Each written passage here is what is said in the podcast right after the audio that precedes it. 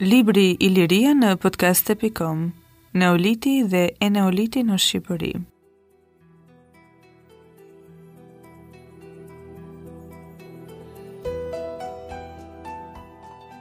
Kultura neolitike dhe eneolitike në territorin e Shqipërisë para çlirimit të vendit ka qenë shumë pak e njohur. Deri në vitet 30 të këtij shekulli, të vetmet materiale që mund të lidheshin me këto kultura ishin disa vegla prej guri të lëmuara dhe këto të zbuluara në rrethana të panjohura. Në vendin tonë, në atë kohë, nuk tregohej asnjë interes për këto periudha të largëta të historisë së pashkruar, rrjedhimisht nuk kishte as kërkime shkencore në këtë fushë. Ekspeditat e të huajve që bënin gërmime arkeologjike në Shqipëri në vitet 20-30 të këtij shekulli, përqendruan më tepër vëmendjen e tyre në evidentimin dhe studimin e qytetërimit greko-romak, duke lënë pa përfillur Kulturat autoktone para-antike. Vetëm ekspedita italiane, në vitet e fundit të veprimtarisë së saj, filloi të bënte diçka me kontribut për të shënuar në sqarimin e jetës dhe kulturës së banorëve të kohës së gurit të latuar dhe të bakrit në vendin tonë. Materialet e zbuluara nga këto gërmime mbetën deri në fund të pabotuara nga autori i gërmimeve Kardini dhe çka është për të ardhur keq nën pretekstin e studimit të tyre morën udhën për në Itali ku u zhdukën pa lënë asnjë adresë. Relacioni paraprak që botoi Mustili rreth këtyre zbulimeve është tepër i shkurtër dhe pak i ilustruar. Si i tillë, ai nuk ndihmon sa duhet për të bërë një rivlerësim të këtyre në dritën e rezultateve të sotme në këtë fushë. Kushtet për një studim të organizuar dhe sistematik të jetës dhe të kulturës së banorëve prehistorikë të territorit të Shqipërisë u krijuan vetëm pas çlirimit të vendit në kuadrin e orientimit të përgjithshëm që dha partia dhe qeveria për ndriçimin e historisë dhe kulturës së popullit dhe të vendit tonë në të gjitha aspektet dhe etapat e zhvillimit të tyre. Për afro çerek shekulli gjurmimesh intensive në hartën e arkeologjisë së Shqipërisë janë shënuar një tok vendbanimesh prehistorike, pjesa më e madhe e të cilave janë bërë ose sapo kanë filluar të bëhen objekte gërmimesh sistematike.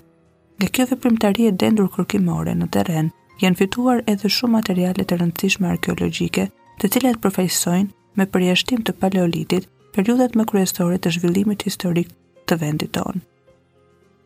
Megjithatë duhet thënë se këto kërkime akoma nuk janë shtrirë në të gjitha viset e territorit shqiptar për të patur një pamje sa më tërësore të këtij zhvillimi. Më mirë është studiuar deri tani në këtë drejtim pjesa jugore e Shqipërisë dhe sidomos rajoni juglindor i saj me në qendër pellgun e Korçës.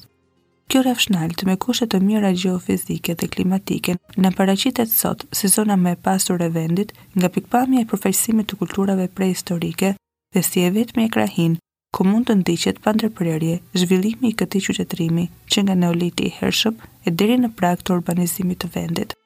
Me këtë punim, ne synojmë të japim një vështrim të përgjithshëm rreth kulturave tona neolitike dhe eneolitike, të njohura qoftë nga gërmimet e rregullta, qoftë edhe nga materialet sipërfaqësore të disa vendbanimeve, akoma të pastudiuara stratigrafikisht. Ky këndvështrim, megjithatë, nuk është dhe as nuk mund të jetë i plotë dhe deri në fund i saktë, sa kohë që kërkimet tona vazhdojnë të nxjerrin të dhëna gjithnjë e më të reja të cilat plotësojnë dhe saktësojnë pareshtur, madje në disa raste edhe i korrigjojnë pikëpamjet tona për problemet e veçanta të kulturës së asaj epoke. Nga ana tjetër, duhet thënë se ne nuk dimë akoma se si është ky proces i kalimit nga mënyra e jetesës mezolitike në atë me karakter bujqësor të neolitit në territorin tonë. Nuk dimë gjithashtu nëse Shqipëria mund të ketë ekzistuar, ashtu sikurse për shembull në Thesalinë fqinje, një fazë neolitike pa qeramikë, e cila të ketë njohur bujqësinë si një degë të veçantë të prodhimit të saj. Kulturën e kësaj epoke ne njohim sot për sot vetëm në format e saj më të zhvilluara, të cilat siç do shohim edhe më poshtë, përdoreshin qeramika, bile e një cilësie të lartë dhe shumë dekorative, si dhe veglat prej guri të lëmuar. Ç'është e vërteta, para disa vjetësh në fshatin Vlushë të Skraparit, qe konstatuar një horizont banimi me një qeramikë shumë primitive monokrome të shoqëruara me mikrolite gjeometrike të retushuara, të cilat shikuar nga pikëpamja tipologjike dhe e teknikës së punimit të tyre, na paraqetin shembuj të një tradite të qartë mezolitike. Në këto rrethana, ky horizont do të përfaqësonte tek ne fazën më të hershme të zhvillimit neolitik. Duke gjykuar nga ndryshimet teknike, tipologjike dhe dekorative të kësaj mase qeramike që gjendet në një sipërfaqe, mendojmë se këtu kemi të bëjmë me një banim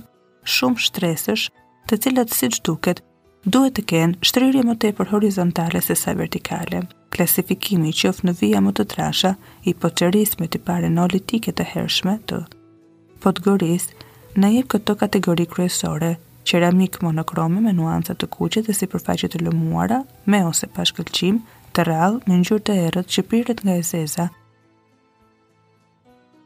Është përfaqësuar këtu dhe qeramika e pikturuar me motive të kuqe mbi sfond të bardhë, okër apo me ndonjë ngjyrë të errët, por është një gjetje e kufizuar. Qeramika në përgjithësi nuk dallohet për ndonjë larmi formash, më të rëndomta janë enët në trajtë sferike apo gjysmë sferike. Vendbanimi i Vashtëmisë Ndodhet buzë rrugës automobilistike Korçë, Maliq, pranë fshatit me të njëjtin emër dhe jo më larg se shtatë deri në tetë kilometra nga seksioni prehistorik i Podgorisë. Gërmimet sistematike të ndërmarra në vitin një mijë e nëntëqind e shtatëdhjetë e katër treguan se këtu kishim të bënim me një vendbanim prej një shtrese të vetme kulturore, të formuar nga tri horizonte banimi.